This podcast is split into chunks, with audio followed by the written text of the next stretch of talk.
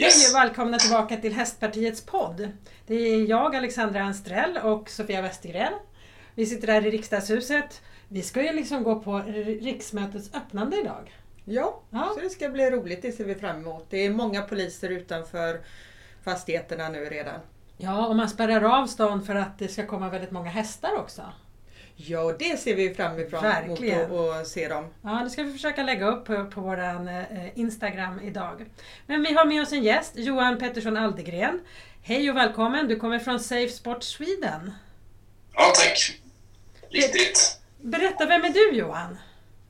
Eh, jag är väl en engagerad idrottsförälder som har av olika anledningar Eh, uppmärksammat och, stött på missförhållanden i idrotten under någon tid som jag har, har blivit frustrerad över att, att, det här inte, att man inte kommer till rätta med det. Och, ehm, eh, då har jag börjat eh, prata om de här frågorna och lyfta de frågorna i olika sammanhang. Och när jag har gjort det så har allt fler eh, kontaktat mig och känt att eh, vad bra att du pratar om de här sakerna. Det har inte vi orkat eller vågat göra själva. Eh, Eh, men du är ingen hästmänniska, du är en seglarmänniska va? Ja, jag är seglare. Jag red faktiskt i min ungdom eh, lite grann. Min mamma och min syster höll på med det och jag, jag var i stallet en del, när jag, något år eller två när jag var i tioårsåldern. Men, men annars så, eh, så har det mest varit på havet för min egen del. Ja. Mm. Du får hålla på med sjöhästar. Ja, sjöhästar skulle vara någonting kan vi börja med. Ja, men Safe Sport Sweden då, berätta, vad är det för någonting och vad gör ni? Eh, nej, men Safe Sport Sweden är eh, ett eh, initiativ som, som jag har tagit tillsammans med några andra, bland annat någon av era kollegor i riksdagshuset, Saila Quicklund är med i vår styrelse, men vi har också två ledande idrottsforskare, Jonas Stier och Natalie Barker Rush, det är vår advokat som heter Jens Sundell. Och sen är det eh, min fru eh, Lena Aldegren som har en lång bakgrund både inom idrott och som managementkonsult och har också jobbat mycket med, med myndigheter och, och gränssnittet mellan myndigheter och omvärld. Eh, och sen har vi en, en idrottstjej, en före detta konståkare som heter Selma Ir som var den slog larm om missförhållande konståkning för ett antal år sedan. Och vi har tillsammans bestämt oss för att vi ska försöka eh, skapa en balans i, i, i svensk eh, idrott eh, och försöka hitta vägar att eh, balansera upp de systemen som finns så att de som blir utsatta för övergrepp eh, får ett bättre stöd, att man får tydligare vägar om hur, hur man ska agera, vart man kan vända sig, var man kan få hjälp eh, och att man får ett, en organisation som bygger en trygghet. För man är väldigt utsatt i de här situationerna, både när man råkar ut för det man råkar ut för, men också efter när man ska försöka göra någonting åt det. Och, och det är inte lätt eh, för de som hamnar i den sitsen.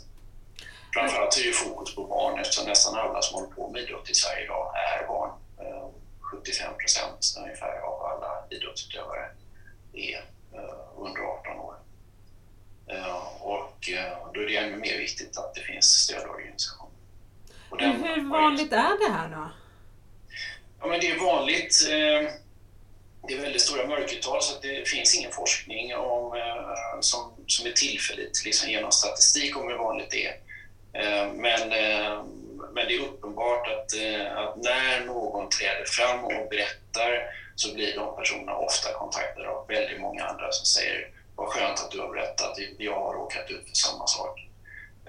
När Selma Ir i konståkningen berättade om hon var med om för några år sedan så var det över 200 stycken som kontaktade henne eh, i sociala medier privat och ville berätta och ha stöd och, och ha någon att prata med om det de varit med Vill du berätta eh, vad det var som hade hänt? Med... Ja, alltså Selma var, i, en, i en förening där eh, hon, hon var Sveriges eh, absolut duktigaste konståkare eh, vid den tiden och, och en av de duktigaste vi någonsin har haft. Eh, en väldigt, väldigt, väldigt stor talang och eh, hon eh, var i en miljö där, där hon och många andra upplevde att, att det inte var en sund träningsmiljö och att de blev eh, utsatta för eh, verbala och mentala kränkningar i princip varje dag. Och, och det här rapporterade ju Selma och eh, anmälde. Och tränaren eh, som ju var huvudpersonen i detta eh, blev ju fälld i första instans av etik och disciplinnämnden. Men överklagade sen till Riksidrottsnämnden och blev då friad. Och tränaren är kvar och fortsätter att träna konståkare och Selma har slutat med sin idrott. Så att, och det är väl tyvärr så det ofta är att, att eh, de som slår larm om detta, de, de hamnar i en sits där det nästan blir omöjligt att fortsätta med sin sport för att man inte har stödsystem och för att man inte får den sociala supporten som krävs för att orka ta sig igenom en sån process. Du nämnde nu att eh, tränaren då blev fälld i första instans. Vad var det som fällde tränaren och hur såg den Eh, kränkningarna ut? Kan du ge något exempel? Så att ja, alltså, kränkningarna handlade ju om, äh, om dels, det, jag, jag tror det var, om jag minns, minns rätt nu, så handlade det om tre punkter och det var äh, psykisk misshandel, äh, vikthets och äh, skadlig träning. Det var de formella punkterna. Och tränaren fälldes på två av de tre punkterna som handlade om psykisk misshandel och vikthets. Eh, och eh, sen fanns det då inte tillräckligt bevis tyckte man för att kunna styrka att det också var fråga om skadliga träningsformer utan det finns alltid två versioner och, och, och där nådde man inte ända fram. Sen eh, när det väl överklagades till nästa nivå då föll det överklagandet och då prövades egentligen inte sakfrågan utan då handlade det mer om formalia frågor som gjorde att, att man inte kunde ta upp överklagandet på ett sätt som gjorde att det gick att få en fällande dom där också. Eh, och då blev det ett frikännande. Eh, och det finns vissa som tar det här för intäkt att då har ju ingenting hänt. Ehm, eh, medan de som har varit med om det vet ju precis vad som har hänt och i det avseendet så förändrar ju inte ett frikännande någonting utan ehm, där, där står man och ehm, det är ofta så att det, det, är väldigt svårt, eh, bevisfrågorna. Det är barn som är med om händelser i miljöer där det är en eller några få vuxna som, som kontrollerar rummet. Och, eh, eh, man har liksom ingen möjlighet att bevisa vad man har varit med om, vad man har varit utsatt för. Eh, utan det, det blir ord mot ord och, Eh, och ofta är det vuxna personer som är framstående, framgångsrika i det de har gjort. De varit duktiga eh, tränare och har skapat eh, stora, mycket medaljer och annat. Och då krävs det mycket för att förbunden ska liksom, gå emot en sådan person och säga att vi... och det är också en rättssäkerhetsfråga, så jag kan förstå det, att, att det, liksom, det krävs en rättssäkerhet i de här frågorna. Men, men eh, idrottens stadgar är byggda på ett sådant sätt att man har ett regelverk skapat av vuxna för vuxna i en miljö där nästan alla är barn. Um, och det, det blir väldigt obalans i ett sådant system. Vi har andra miljöer där man har förstått den problematiken och det är till exempel svenska skolan. Då.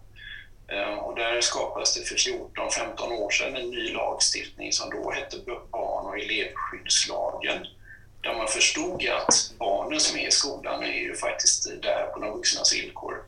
Om det är en vuxen lärare som utsätter barn för någonting så är barnets möjligheter att hävda sin rätt väldigt begränsade eftersom det är de vuxnas villkor som gäller.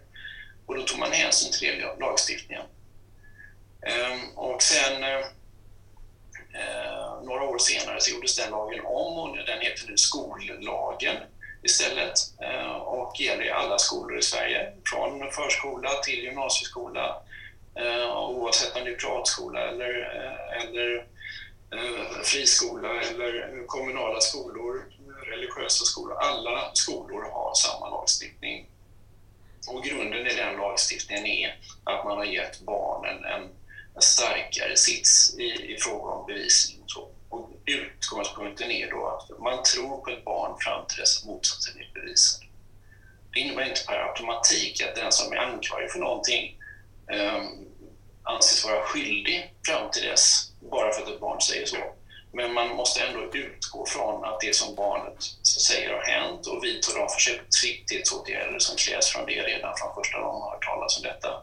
Det finns en absolut anmälningsplikt som innebär att den som hört talas om att ett barn har råkat ut för någonting måste agera på den informationen och rapportera det vidare i systemet. Det innebär att den städpersonal som får reda på att ett barn har råkat ut för någonting eller borde förstå att ett barn har råkat ut för något kan inte blunda för det utan måste rapportera det till en lärare, till en rektor. En lärare som får reda på samma sak måste rapportera till rektorn och rektorn måste rapportera till skolledningen och skolledningen rapporterar sen till Skolverket. Och den som bryter den här kedjan gör sig skyldig till brott mot lagen. Och det på något vis kan man ju tycka, det här blir ett angiverisamhälle, men det är snarare tvärtom. För att det, det här gör att man lyfter av en stor börda från axlarna på den som får in en sån här anmälan. För I en miljö där det inte finns en anmälningsplikt och vidare rapporteringsplikt så hamnar den som får en sån anmälan i knät, hamnar i en sits, vad ska jag göra nu? Tänk om jag rapporterar där, då kommer alla kollegorna vända sig mot mig och tycka att jag är någon form av gangster som hängde ut en i, i vårt kollegiala sammanhang här. Eh, men är man skyldig att göra det, då är det en annan sak. Jag har fått den här rapporten, tyvärr så spelar det ingen roll, jag har inga åsikter om det. Jag måste rapportera det vidare eh, och vi måste inleda en utredning, eh, för regelverket säger det. Då hamnar man i en sits där den som får det här behöver inte bära det personliga ansvaret av att föra det vidare. Man är tvungen att göra det och det blir en mycket enklare sits. Kan man säga att det är någon skillnad på eh, så inom vilka olika sporter det här är mer eller mindre eh, psykiska och även sexuella övergrepp? Även där då, det saknas statistik men det finns en allmän uppfattning och det är många som har resonerat kring eh, att de artistiska sporterna har större problem än många andra sporter. Eh, det vill säga då konståkning, gymnastik, eh, ridsport för den delen. Där det finns domare som bedömer eh, snarare än om man har absoluta tal att förhålla sig till hur snabbt man sprang eller hur högt man hoppade eller vem som var först i mål. Utan där det, det handlar om bedömningssporter. Och en stor del av problematiken i de här frågorna är ju kopplad till den beroendeställning som idrottsutövarna har i förhållande till de vuxna i närmiljön. Eh, och det är klart att är det en bedömningssport så blir ju den beroendeställningen ännu starkare Ehm, än om, om man faktiskt eh, man, man inte är beroende av någons godtycke för att visa att man faktiskt var bäst eller för att visa att man kvalificerade sig till det här laget. Har man hoppat över kvalgränsen så har man hoppat över kvalgränsen. Det är svårt att säga till den personen att du får inte vara med. Ehm, men eh, handlar det om att ja, var det här godkänt eller var det inte godkänt? Var det en fyra eller en femma i bedömningen så blir det gärna en fyra om det är någon som har sagt lite för mycket om, om obekväma saker och då, då sprider sig den informationen och då eh, blir det en tystnadskultur där de som varit utsatta inte vågar prata. Och det gör ju att de som utsätter då får en större arena att kunna agera på. Blir det också då liksom normaliserat tror du inom de här sporterna att det på något vis inom situationstecken det ska vara så, det är lite så att tränaren är på ett visst sätt och det är lite kanske vikthets generellt i, i de här sporterna eller vad, vad tror du? Ja, men det tror jag. Det finns mycket som är normaliserat kring de här frågorna. Ehm, ehm, mycket så här, lite får, lite får man väl tåla. Mm. Och, ja, där man tycker att ja, men det var väl inget konstigt. Och det, det konstiga med den här normförskjutningen som sker, det har man ju sett genom historien i, i, i olika sammanhang, som alltså mycket värre sammanhang än detta, men hur fort det kan gå med normförskjutningar där, där liksom till synes helt normala människor som har sunda värderingar i alla möjliga sammanhang hamnar i en osund miljö eh, där man hamnar i ett kollektiv som har andra värderingar då bryts den där grundvärderingen man har ner otroligt fort och så börjar man göra som de andra. Mm. Och vi som föräldrar eh, vet ju liksom att vi, man blir som de man umgås med. Ehm, och, och, därför är vi väldigt noga med att våra barn till exempel inte ska hamna i miljöer där de umgås med fel personer. Vi förstår det, liksom, att hamnar de i fel sällskap så kommer de ganska snabbt att bli som de de umgås med. Ehm, och det gäller ju även oss vuxna. Ehm, och därför måste man vara väldigt observant på vilka miljöer det är egentligen, vilka resonemang som förs i den föreningen eller det förbundet där man, är och spenderar mycket tid. För risken är ju ganska stor att man efter ett tag blir som dem man umgås med och dras med i de här värderingarna. Och helt plötsligt så tycker man att det som ett par månader tidigare, innan man klev in i den miljön, var ett helt absurt beteende. Några månader senare så är det inte så absurt, för det är så alla gör här. Och då har man fått den här normförskjutningen som gör att man accepterar saker som man inte annars skulle acceptera. Men om man nu blir utsatt? det så blir det väldigt dålig stämning. Ja. Men om man nu blir utsatt och känner att, om man lyssnar på det här programmet nu och känner att men gud, jag, jag har faktiskt eh, blivit utsatt för någonting. Var ska man vända sig? Ja, det, det traditionella och de kanalerna som har funnits hittills har, har ju varit att man ska vända sig till sin förening i första hand. Ehm, och fungerar inte det, om man inte får det gehör man får, vill ha därifrån, så ska man vända sig till det lokala förbundet, det vill säga distriktsförbundet. Och fungerar inte det så ska man vända sig till det nationella förbundet och fungerar inte det så är det då till Riksidrottsförbundet. Eh, och det har inrättats en idrottsombudsman som ska ge råd i sådana här vägledning, sådana här frågor och som på något vis ska kunna vara någon form av bollplank. Och det finns en anonym eh, eh linje man kan ringa till eh, eller mejla till Riksidrottsförbundet, eh, idrottsombudsmannen. Jag tänker när man väl har blivit utsatt så är man ju inte så väldigt stor här på jorden. Man känner sig nog väldigt Nej. ledsen och, och det måste ju vara svårt att, komma vidare. Ja, men det är jättesvårt och, och, det som är problemet med de här miljöerna då, som är, har varit de etablerade kanalerna ända fram till Safe Sport Sweden fanns, det är ju att att alla de här miljöerna, ehm, eller alla rapporteringskanalerna leder tillbaka in i förövarens organisation. Om man är utsatt för, av en tränare eller av en, en människa som sitter högt upp i föreningens styrelse eller förbundets styrelse, så ska man liksom rapportera det till den personens organisation, till den personens intresseorganisation som faktiskt har, har liksom en uppgift att försvara den organisationen. Och de ska sedan utreda sig själva. Eh, och det blir väldigt underligt och det blir väldigt mycket intressekonflikter och det blir svårt för alla inblandade att hantera den situationen på ett bra sätt. Och då har vi tyckt att, eh, att det här behöver balanseras upp så att det finns en part som står utanför idrottssystemet som kan de här frågorna och som kan erbjuda en plattform dit man kan rapportera helt anonymt och vara säker på att man blir lyssnad på, att man blir tagen på allvar och att man får de råd och den hjälp man behöver för att kunna hantera det här utan att behöva gå in och konfrontera eh, förövarnas organisation dag ett. Och det är därför vi har startat Safesportsbilen. Det är fantastiskt. Nu var jag inne medan du pratade på eh, RFs, alltså Riksidrottsförbundets hemsida och tänkte att jag hittar ju ingenting här på den här hemsidan. Hur ska jag kunna eh, skriva någonting? Men till slut så hittade jag faktiskt för allas information. Längst ner till höger när man kommer in på hemsidan så finns det en liten en liten blå ruta som det står visselblåsaren på. Där kan man alltså skriva in. Ja, det kan man. Och, och, och, och tanken, det, det, är också ett nytt system. Eh, jag tycker det finns, det finns en bra ambition i det. Eh, och, och eh, det är definitivt en kanal man kan använda.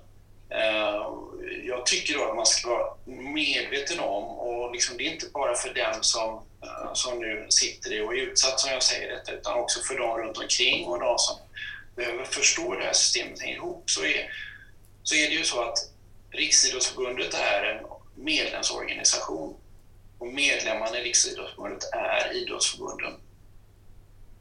Eh, idrottsförbundets medlemmar är föreningarna och barnens med, eh, barn, för, för, föreningarnas medlemmar är barnen som utövar idrott. Mm. Och den här kedjan då, det är så att barnen är inte medlemmar i förbundet. Barnen är inte medlemmar i Riksidrottsförbundet utan det är bara föreningarna och de lokala förbunden som är medlemmar i Riksidrottsförbundet.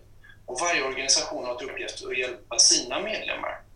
Och det innebär att RFs uppgift är att hjälpa förbunden och hjälpa föreningarna i en situation där de hamnar i ett knivigt läge. Ehm, och ehm, det finns ingen organisation som har till uttalad uppgift att hjälpa barnen enbart. Utan kontaktar man Riksidrottsförbundet så får man viss hjälp, men man måste också förstå att Riksidrottsförbundet är, har, har som huvuduppgift att hjälpa föreningen ehm, och förbundet. Och då har, hamnar idrottsombudsmannen i en lurig sits, man, man har liksom dubbla uppdrag då. Man ska mm. hjälpa både förövarens organisation och den utsatte samtidigt. Och då blir det någon form av vågskål. Ska man, ska man inte? Hur ska man hantera? Och så blir det en balansgång som är jättesvår för idrottsombudsmannen. Och jag är inte avundsjuk på den sitsen, för det, det blir svårt att hjälpa. Eh, och det är också, finns de som har kontaktat eh, den vägen och som har känt att de inte har fått den hjälpen eller det stödet de hade önskat eftersom det blir mer allmänna råd om hur man ska agera. Mm. När man väl kommer till skarpt läge att man ska göra en anmälan, då måste man göra den själv, för den görs väldigt, väldigt sällan. Det ska till mm. häpnadsväckande grova saker innan idrottsmannen, idrottsombudsmannen gör anmälningen, i alla fall hittills.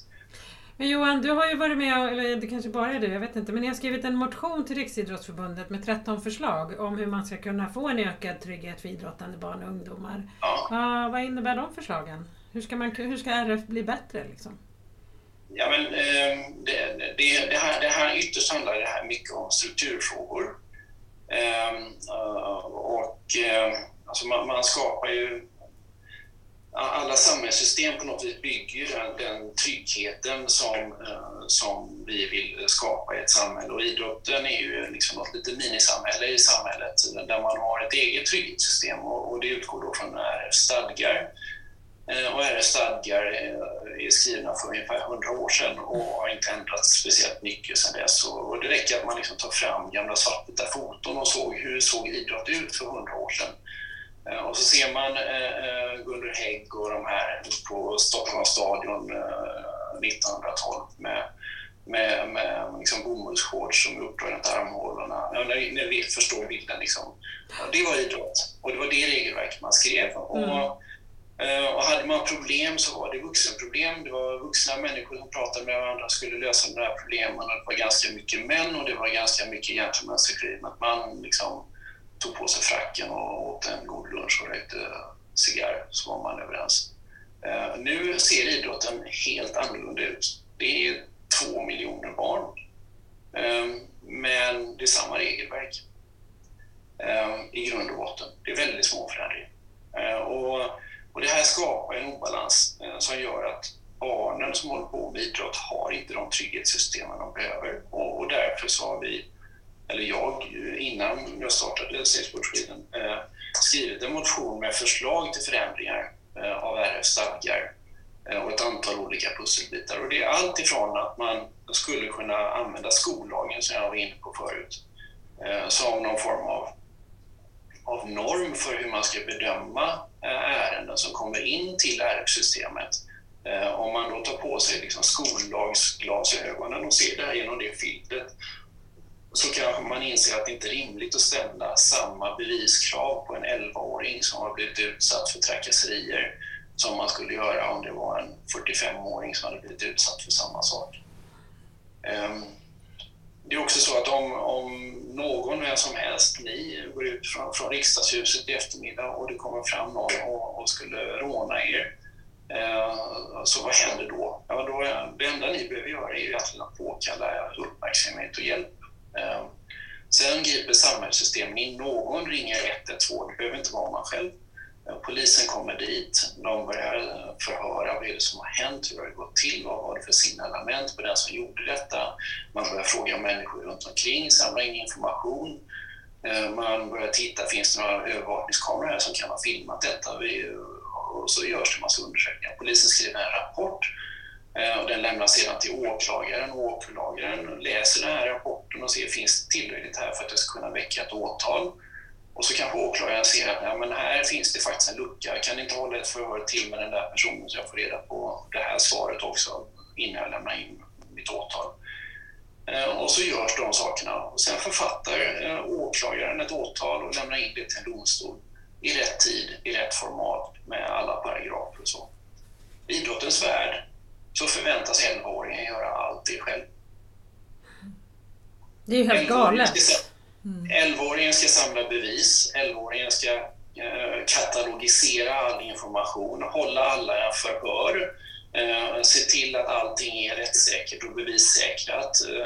11-åringen eh, ska sen skriva en, en anmälan som uppfyller alla RFs stadgar med paragrafer och så och lämna in den till rätt instans i hela RF-hierarkin i rätt format med rätt hänvisningar. Um, och alltihopa måste ske inom två månader. Efter två månader är preskriberat. det Johan, var ju kan, kort tid. Vi kan inte ha det så här. Nej. Det är helt stört. Jag blir ja. alldeles upprörd. Jag får stå päls när du berättar om hur, hur det här mm. är. Ja, Två månader, var kommer det ifrån? Nej, det är RF-stadgar har en två månaders preskriptionstid och sen har man sagt att eh, och det var för, inte på detta riksidrottsmötet utan för det på då, nästan för tre år sedan ungefär. Då. Ehm, de hålls ju vartannat år. Ehm, då införde man en förlängd preskriptionstid för allvarliga kränkningar. Men då måste man ju också fundera, vad är en allvarlig kränkning då? Ehm, och eh, då i RFs dragning av den här motionen så förklarade man att allvarliga kränkningar är att då likställa i idrottens värld med, med alltså grova våldsbrott och grova sexualbrott eh, eh, enligt brottsbalken. Och når man inte upp till den typen av allvarsgrad så är det inte eh, en förlängd preskriptionstid utan allting som är mindre än grova våldsbrott och grova sexualbrott är då två månaders preskriptionstid. Men hur kan det vara så? Jag tänker vi har ju ändå en lagstiftning. Idrotten är ju inget eget samhälle utan vi har ju en lagstiftning som gäller hela Sverige. För alla. Ja, liksom. ja men problemet är ju då med alla de... Alltså, jag kan tycka så här att eh, sexual, sexuella övergrepp inom idrotten, det är det som, som får mest uppmärksamhet i media. Eh, det är det som är enklast för allmänheten att förstå. Vad är det frågan om? Eh, det är det som är enklast eh, rent moraliskt och etiskt att ta avstånd ifrån, för det väcker sån aversion som man känner, för 17, så här får det inte gå till. Och det är dessutom då väldigt tydligt att det här är ett lagbrott, vilket gör att man kan göra en polisanmälan eh, och så tas det liksom in i samhällssystemet. Då kommer polisen och då kommer åklagarresurserna och de sakerna in. På något vis så kan jag tycka att ja, det är väldigt grovt och det är, är, är motbjudande och det är alla de här sakerna. Men det blir ändå enklare att hantera den typen av frågor, för då kliver samhället in fullt ut. Det svåra är att hantera de frågorna som är strax under, Ehm, där det då handlar om emotionella övergrepp, psykiska övergrepp, daglig mobbning, dagliga trakasserier, nedlåtande uttalanden, som kan knäcka en individ i deras mest känsliga ålder. De kanske tränar från det att de är 5 till de är 15 och i 10 års tid får de höra att de är äckliga, fula, tjocka, eh, att de inte duger någonting till. Eh, de älskar sin sport, de vill gå dit för att de tycker det här är så roligt men de får stå ut med den här typen av kommentarer varje dag. Och efter ett tag så blir det ju dessutom ett behov av bekräftelse, att jag vill inte höra det där, jag vill bevisa att jag inte är värd de där kommentarerna. Och så hamnar man i en sits där man efter ett antal år mår väldigt, väldigt dåligt. Och det här sitter ju sedan i, resten av den personens liv. Det kommer prägla hela uppväxten och det kommer prägla hela vuxendomen, de här sakerna. Är det ett lagbrott? Ja, kanske inte. Eh, men är det ett brott mot idrottens stadgar? Definitivt. Men hur ska det bevisas? Och du är tillbaka där vi pratade om för en liten stund. Du nämnde ju där två månaders preskriptionstid. Det är ju otroligt kort tid. Då tänker jag någon som anmäler att man har, har blivit utsatt för mobbning till exempel. Och då kommer andra vänner runt och säger att jag också känt mig utsatt för mobbning och så kommer en tredje som redan har slutat med idrotten och det är ju såklart att den har ju varit utsatt eh, för mobbningen långt eh, efter det att eh, preskriptionstiden har förfallit. Hur kan Riksidrottsförbundet motivera en så kort preskriptionstid? Det är en jättebra fråga. Jag vet inte. Det måste vi ta reda på. Det måste vi ta reda ja, på. Det här verkar helt stört. Ja. Eh, jag vet förut att du pratade om en kurva, vilka det är som kan vara utsatta. Det fanns två grupper. Vill du prata lite grann om den ja. kurvan? Ja, man, det, alltså det, det, finns ju mycket behov här då, av, fakta kring de här frågorna och, och, forskning och det forskas en hel del, framförallt i andra länder. Ehm, I Sverige eh, har man också forskning kring det här men det, finns en större forskningsapparat eh, internationellt sett. Ehm, och det finns mycket forskning kring eh, framförallt då sexuella övergrepp inom idrotten. Och som jag sa, det är ju enklare att förstå det är också enklare att få resurser till den typen av forskning. Det blir så tydligt vad det är man söker anslag för och så. Så att där finns det ganska mycket kunskap. Eh, men eh, sen finns det då områden där man inte vet lika mycket men där man har liksom eh, olika pusselbitar man försöker lägga ihop. En sak som är belagd i forskningen är att det finns högriskmiljöer, framförallt är de då kopplade till elitidrott. Ehm, och, och, ju högre upp man kommer i hierarkin, eh, ju högre upp man kommer i resultatlistorna, desto större är sannolikheten eller risken för att man ska råka ut för någon form av övergrepp. Ehm, så det är en högriskmiljö. Sen finns det, eh, tror jag, och som jag har pratat med många forskare om, eh, och som jag också får gehör för en teori, men den finns liksom inget belägg för ännu. Det kanske är någon som kommer forska på det i framtiden en annan form av högriskmiljö. Och det är liksom de som inte är så duktiga. Eh, de blir inte heller behandlade så bra alla gånger. Och då, då brukar man säga så här, att, ja, hur många är det här och hur, hur, ser, hur ser fördelningen ut? Och i, i, I statistiska sammanhang så pratar man om en normal fördelningskurva. Eh, då man kan mäta längden på alla 20-åringar i Sverige och så ser man att några är en meter långa, de är inte jättemånga. Och några är två meter långa, de är inte heller jättemånga. Och sen så finns det ganska många som är någonstans kring mellan 1,60 och 1,80. Och liksom, ungefär 85 procent av populationen ligger då i någon form av normallängd. Och så är det ungefär 7-8 procent i varenda som avviker ganska mycket från normen i hur lång man är. Mäter man skolbetyg så ser man samma sak. Det är några som har dåliga betyg, några som har bra betyg. De flesta ligger ganska mycket i mitten. Eh, mäter man när folk lärde sig att gå, hur gamla de var, så ser man att några lärde sig väldigt tidigt, några lärde sig sent, men de andra flesta lärde sig ungefär när de var ett år. Och, så kan man få, och då ser man att det blir då en, statistiskt sett en staplar där du har avvikelse 7-8 procent i ena ändan och 7-8 procent i andra ändan och sen stor bulk i mitten, ungefär 85 procent. De är de normala. Ehm, och i de här sammanhangen så skulle man kunna göra en normalfördelningskurva över de som är duktiga på idrott och de som inte är så duktiga på idrott. Så ser man att ja, det är 7-8 procent i ena ändan som inte är så duktiga, 7-8 procent i andra ändan som är väldigt, väldigt duktiga. Och sen har man liksom den stora massan av idrottare i mitten. Och jag tror att de allra flesta i den stora massan har en väldigt bra vardag i sin idrott. De trivs med det, de, det funkar och, och allting är frid och fröjd och det skänker dem glädje och de, de blir vältränade och de får massa lärdomar av kompisar och så. Men så har man då de där som inte är så duktiga. Eh, de som, som kanske står i vägen på träningen eller de som inte förstår spelet eller de som alltid blir valda sist på skolgården, klabbet. Jag tar den och den och den och ni får klabbet de, de liksom blir ju inte väl behandlade. I alla fall inte i alla idrotter och inte i alla idrottsföreningar. Utan det är på något vis så att ja, ja, de kom inte idag. Det var väl lika bra. De är ju ändå bara i vägen. Eller den eller den. Man bryr sig inte ens om att ringa och höra hur är det med dig? Varför kom du inte på träningen? Eh, något som inte är bra. Kommer du nästa gång?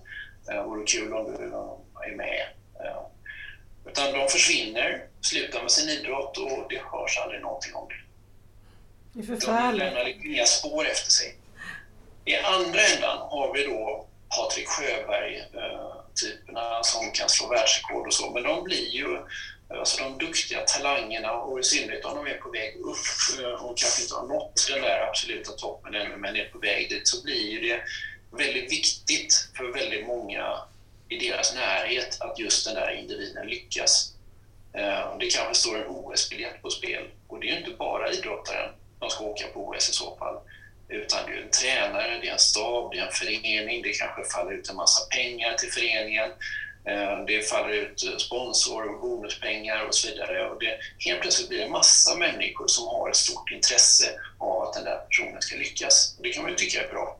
Men det kan ju också leda till att man utsätts för en väldigt stor press som inte är sund, att det kommer fram osunda metoder och att, det, eh, att pressen ökar på ett sånt sätt att det blir skadligt. Eh, och det har ju forskningen visat att den, eh, det är en överrepresentation av elitidrottare bland de rapporterade fallen. Vi vet ju ingenting om de fallen som inte är rapporterade eftersom de inte är rapporterade. Och mm. mörkertalen är väldigt stora. Mm. Men, men vetenskapligt belagt att elitidrott är en högriskmiljö. Men Johan, nu måste jag ändå fråga. Jag och Sofia är ju politiker. Alltså, vad skulle en politiker kunna göra? Jag tänker att om du skulle vara minister för en dag. Hur skulle du, mm. Vad skulle du bestämma för att förbättra för, för eh, ja, hästnäringen i Sverige och idrottande ungdomar? Jag skulle nog vilja vara politiker på lite olika nivåer för en dag. För jag mm. tror att man kan, göra, man kan jobba på flera olika nivåer med detta politiskt. Ehm, en sak är ju givetvis då om man ska försöka ändra RFs stadgar och så, men RF är en fristående organisation som beslutar om sina egna stadgar. Ehm, och därför så, ehm, så blir det en process som man har, har relativt liten möjlighet att påverka som politiker. Mm.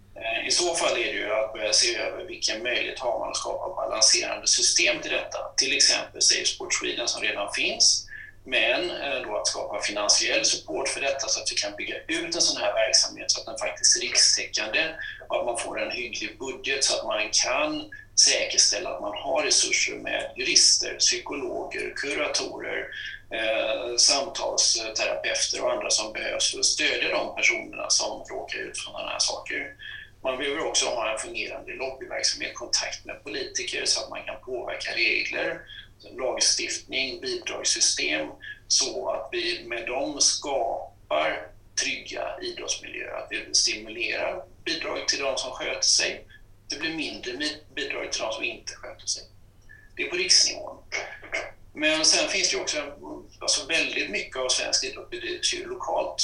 Ehm, och då är det ju kommuner som sitter på alla idrottshallarna och som sitter på de kommunala idrotts, bidragen till idrottsföreningarna.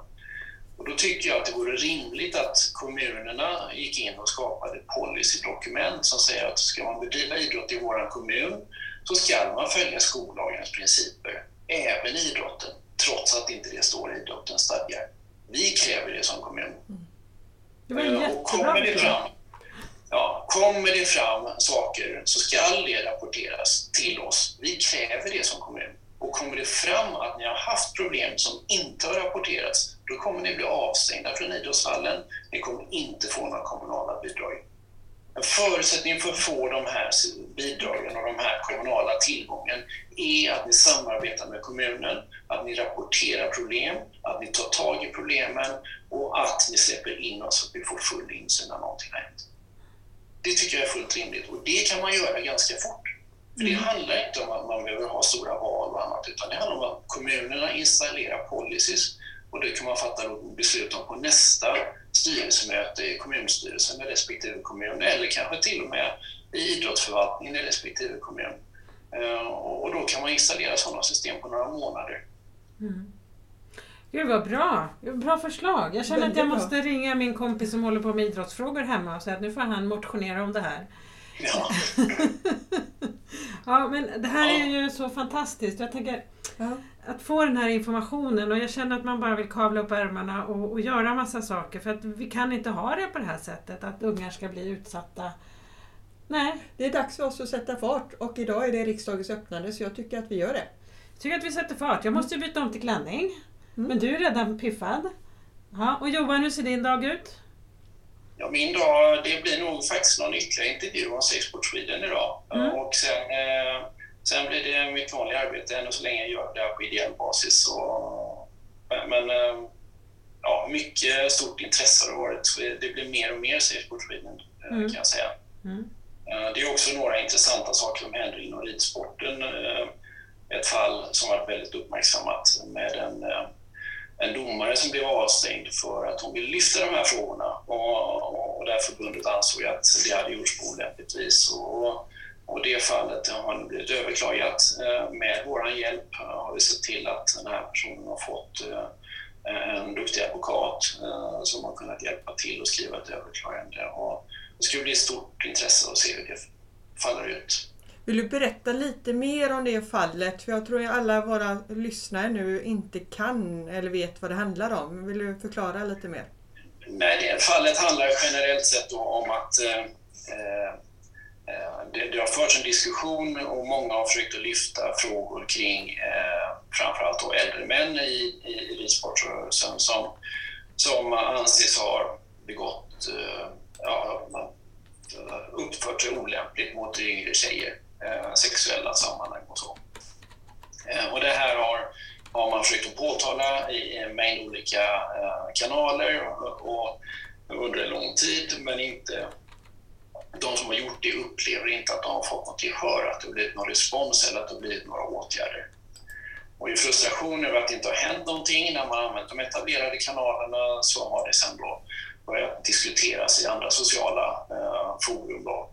Hur ska vi göra? Och det här är för jäkligt och så vidare.